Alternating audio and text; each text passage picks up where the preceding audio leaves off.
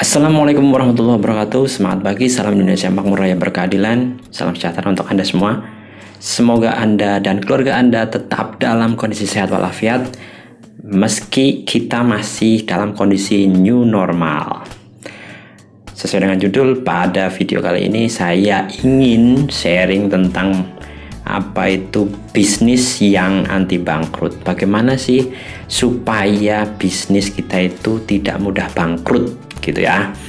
Oke uh, teman-teman yang sudah uh, subscribe terima kasih. Dan yang sudah klik video ini juga terima kasih. Yang belum subscribe tolong ya. Uh, angkat jempolmu untuk tekan tombol like. Dan jangan lupa jangan lupa juga subscribe nih. Di bawah ini ada tombol merah dipadamkan. Agar Anda bisa mengikuti video-video saya berikutnya. Ketika saya mengupload maka Anda adalah orang pertama yang bisa mendapatkan notifikasi. Nyalakan juga loncengnya ya supaya Anda bisa mengikuti video-video terutama yang ngomongin tentang bisnis, mindset, dan terutama bisnis NASA atau juga bisnis online yang lainnya. Oke. Okay?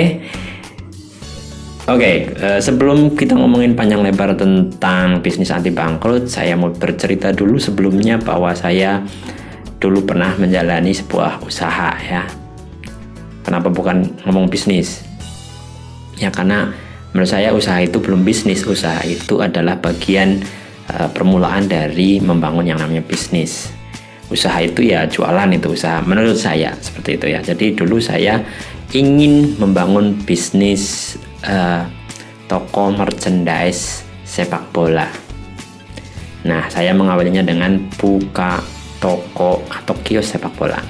Nah pada saat itu tahun 2000 berapa ya? 2009 2010 kalau nggak salah. 2009 atau 2008 ya sekitar itulah kira-kira. Ketika saya um, menjadi seorang pengangguran kemudian saya ditanya oleh kakak saya kamu aktivitasnya apa sekarang? Saya jawab saja saya nganggur setelah kuliah. Belum ada aktivitas baru. Uh, kebetulan juga pekerjaan belum dapat dan kakak saya menawari modal usaha. Silakan kamu uh, mau bisnis apa nanti dah saya modali gitu ya. Nah, kemudian saya mencari ide yaitu ketemunya adalah buka kios merchandise sepak bola. Kenapa? Ya karena saya itu salah seorang uh, fans sepak bola Inggris terutama ya. Hmm, Chelsea The Blues ya teman-teman yang The Blues itu satu uh, hobi dengan saya yaitu nonton uh, Chelsea pertandingan Chelsea gitu. Saya salah satu fansnya. Makanya saya ingin uh, jualan merchandise sepak bola gitu ya. Jadi tidak hanya Chelsea sih um, semua sepak bola. Waktu itu saya ingin jual, jual jersey jual jaket jual shawl topi tas sepatu yang berkaitan dengan sepak bola. Pin juga gitu ya. Nah setelah itu saya sewa sebuah ruko, bukan ruko, toko kecil, bukan juga kios kecil. kios kecil ukuran 3 kali 3 ya namanya modal juga nggak terlalu banyak ya. Waktu itu hanya 30 juta. Sewa di Purwokerto. Kemudian saya belanja uh, peralatan. Peralatan kios ya untuk memajang produk. Lalu kemudian saya belanja produk yang dijual yaitu jersey dan kawan-kawannya itu merchandise-nya itu. Belanjanya di Jakarta di Tanah Abang sama di pasar pasar baru kalau nggak salah itu di Bandung. Lalu saya mulai buka kios uh, dalam waktu satu setengah tahun alhamdulillah bangkrut. Oke. okay kok aneh Pak Nunu? Kak jenengan itu nah, Pak Nunu ini share tentang bisnis anti bangkrut tapi cerita tentang kebangkrutan. Nah justru ini teman-teman. Teman-teman bisa belajar dari uh, bangkrutnya bisnis saya atau bukan bisnis ya usaha saya. Karena sekali lagi bisnis itu uh, jangka panjang. Kalau jualan atau usaha itu baru jangka pendek gitu teman-teman bisa belajar dari situ kenapa kok saya bisa bangkrut tidak bisa menjalankan jadi di tahun pertama saya tidak bisa setelah sana setelah saya analisa ya kebangkrutan saya itu diakibatkan karena saya tidak bisa menjangkau pasar yang luas Kenapa? Ya karena saya tidak mencoba riset sebelum saya buka usaha ini. Saya tidak mencoba riset menemukan di mana si pasar saya, di mana si market uh, biasanya berkumpul, trafficnya di mana, kemudian apa sih kebiasaannya, lalu apa minat yang sering yang sering mereka miliki gitu ya, yang mereka miliki minatnya apa kecenderungannya apa, karakternya seperti apa. Saya tidak pernah melakukan riset itu. Buka buka bisnis saja. Yang pertama terpikirkan ketika membuka bisnis seperti halnya banyak orang adalah modal, lalu lokasi, lalu peralatan, lalu produk. Nah, padahal untuk mencegah sebuah kebangkrutan dari sebuah bisnis, terutama yang memikirkan jangka panjang adalah market atau pasar pasar yang akan Anda tuju untuk Anda juali, untuk Anda tawari produk Anda. Nah, itu eh, setelah saya pikir-pikir itu yang menyebabkan itu. Nah, misalnya nih saya itu dulu jualan mau jualan kaos atau merchandise sepak bola berarti saya harus tahu nih jualnya ke mana. Jualnya otomatis ke uh, supporter atau kelompok supporter uh, komunitas fans klub sepak bola misalnya CISC kalau Chelsea ya Chelsea Chelsea CISC Chelsea Indonesia Supporter Club kalau Madrid apa kalau kalau um, MU misalnya Liverpool apa Liverpool Dian misalnya Big Red Indonesia misalnya itu harusnya kita tahu kenal mendalami uh, tempat berkumpulnya di mana, orangnya seperti apa, karakternya seperti apa. Nah, itu saya tidak lakukan. Saya tidak lakukan akhirnya ketika saya hanya mengandalkan traffic alami yaitu orang yang melewati kios saya di mana kios saya juga ada di dalam gang, tidak di jalan besar. Terus kemudian mereka mampir lalu beli, ya otomatis penjualan saya menjadi sangat turun, sangat tidak memenuhi ekspektasi. Ketika tidak memenuhi ekspektasi, otomatis perputaran modalnya begitu lambat. Akhirnya banyak modal yang terhenti di produknya. Nah, ketika kios sudah habis kontraknya, saya harus bayar kembali kontrakan di tahun kedua. Saya hanya bisa bayar separuhnya sehingga saya hanya uh, melanjutkan kontrak setengah tahun. Nah, pada habis enam bulan kontrak, saya sudah tidak punya modal lagi untuk membayarnya. Nah, ini pelajaran yang sangat berarti buat saya tentunya. Mudah-mudahan jadi pelajaran yang berarti buat teman-teman bahwa ternyata untuk membangun sebuah bisnis yang anti bangkrut itu justru yang paling penting bukan modal, bukan lokasi atau tempat usaha, tempat bisnisnya, uh, wujud barangnya kiosnya dan bukan juga infrastrukturnya atau apa peralatan walaupun itu sebenarnya sebenarnya penting tapi bukan yang terpenting ya peralatan dan sebagainya melainkan adalah yang pertama itu marketnya nyawa sebuah bisnis itu adalah marketnya ya Sekali lagi kalau teman-teman ingin membuka sebuah bisnis atau teman-teman lagi bingung nih mau bisnis apa dan sebagainya, pikirkan dulu marketnya. Siapa yang ingin Anda tawari produk Anda. Kalau Anda punya sebuah market, itu akan lebih mudah. Misalnya gini, teman-teman uh, punya kelompok tani ini misalnya. Ini adalah komunitas kelompok tani. Teman-teman bergabung da dalam sebuah komunitas gapoktan, gabungan kelompok tani dalam satu wilayah kecamatan teman-teman bisa mendata jumlah berapa anggota Gapoktan. Teman-teman bisa mengakses para pengurus-pengurusnya.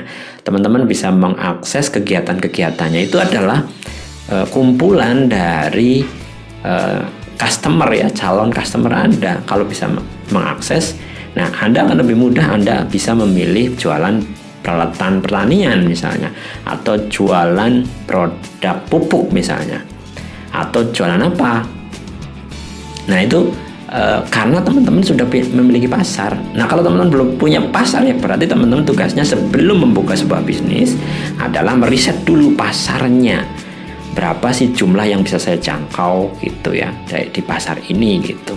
Walaupun sekarang sudah ada online mungkin bisa dengan cara online kita bisa menjangkau pasar yang lebih luas tentunya ya misalnya komunitas sepak bola ya kita bisa masuk ke grup komunitas CSC misalnya atau Big Red Indonesia atau Mancunian misalnya gitu ya di online gitu. Tapi kalau misalnya e, lewat offline pun masih bisa. Misalnya mereka biasa berkumpul di e, cafe untuk nonton bareng misalnya karakter-karakternya seperti itu.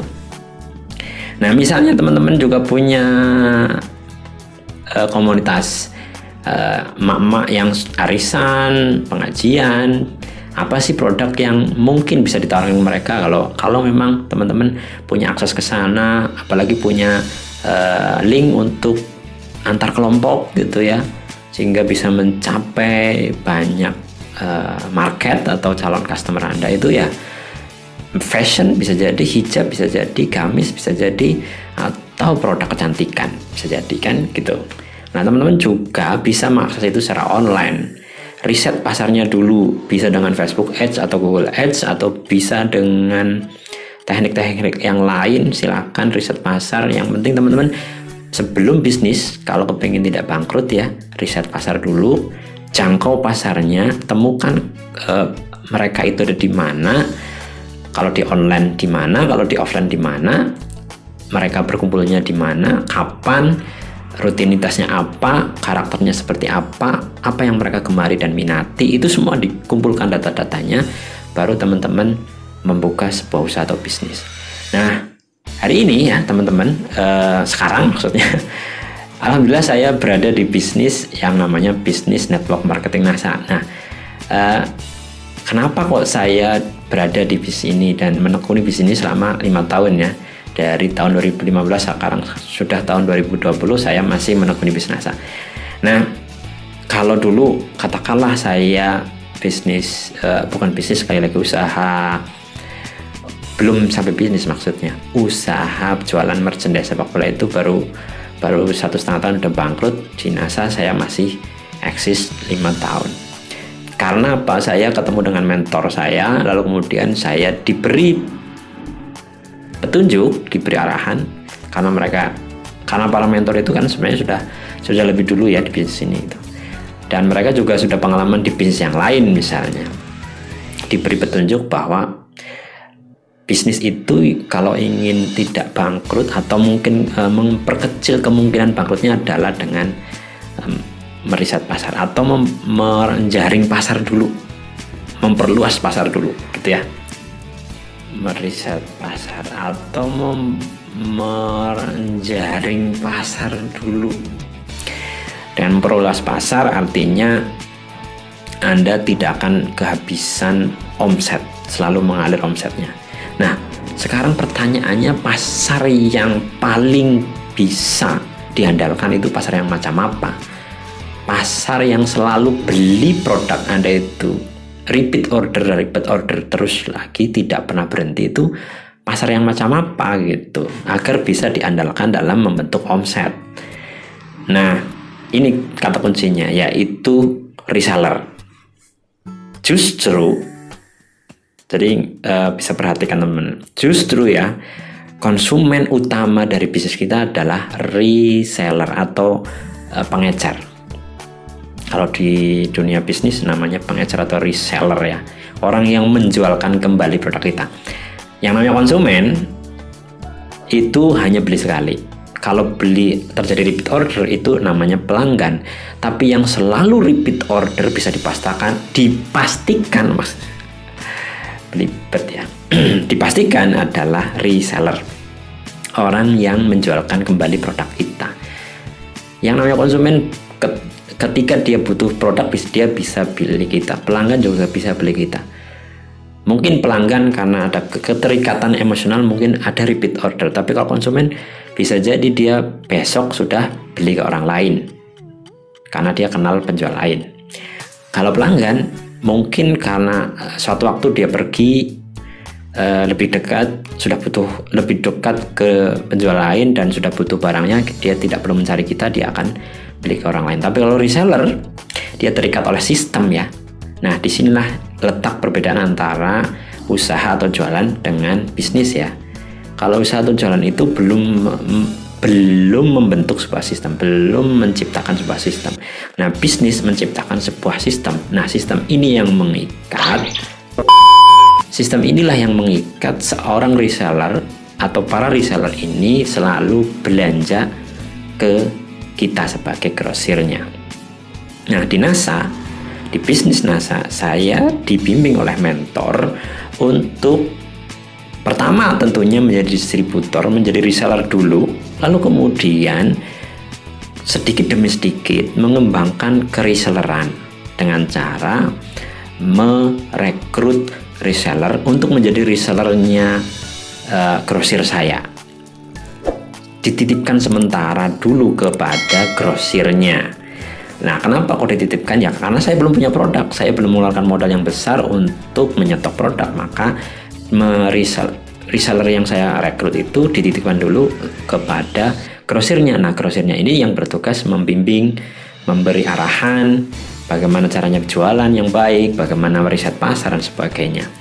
Nah, setelah reseller saya banyak, maka kemudian saya mengajukan diri menjadi grosir dengan mengeluarkan modal mungkin 30 sampai 40 juta ya dalam sekali belanja. Tapi tidak perlu khawatir karena uang yang saya keluarkan itu 30-40 juta akan nyetok produk di mana produk ini akan dijualkan kembali oleh para reseller yang sudah saya rekrut sehingga perputaran modalnya cepat karena perputaran modalnya cepat otomatis keuntungannya juga besar. Karena keuntungannya besar otomatis jauh dari resiko kebangkrutan. Nah ini kuncinya.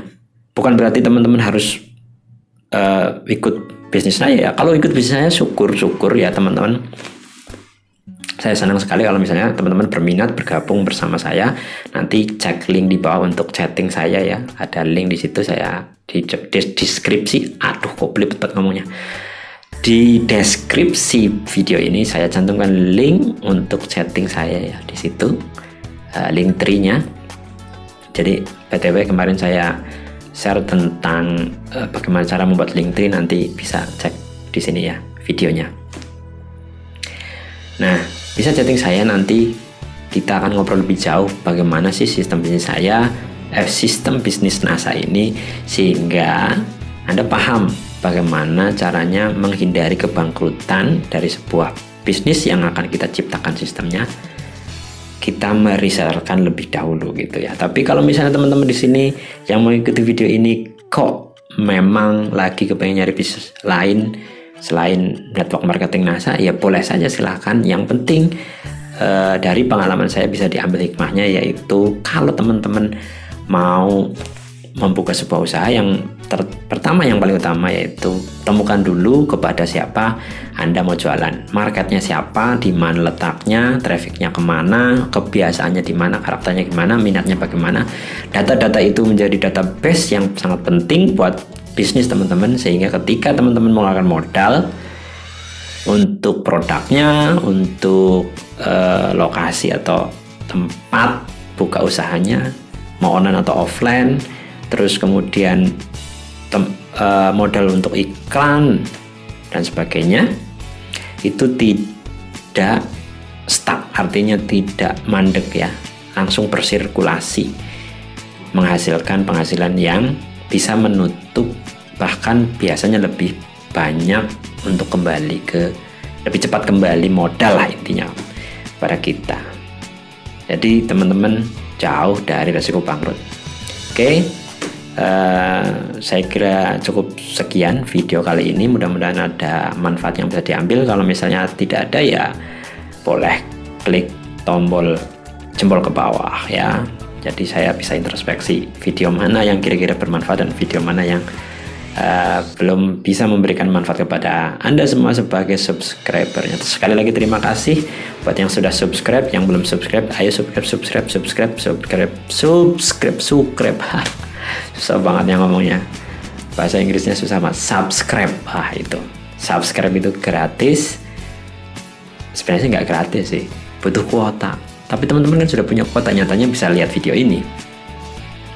Lalu tekan tombol ke atas kalau anda suka dengan video ini. Kalau nggak suka bisa tekan tombol ke bawah. Jangan lupa share ke teman-teman yang sekiranya membutuhkan informasi yang sama dengan Anda. Dan jangan lupa tetap bahagia. Oke, sebelum ditutup video ini, Anda silahkan cuci tangan nanti, jangan lupa ya, cuci tangan. Dan Anda bisa melihat video-video saya sebelumnya, mungkin Anda butuh informasi tentang bisnis, bisnis online, dan bisnis NASA terutama. Thank you. Wassalamualaikum warahmatullahi wabarakatuh. Salam Indonesia makmur raya berkeadilan. See you next video.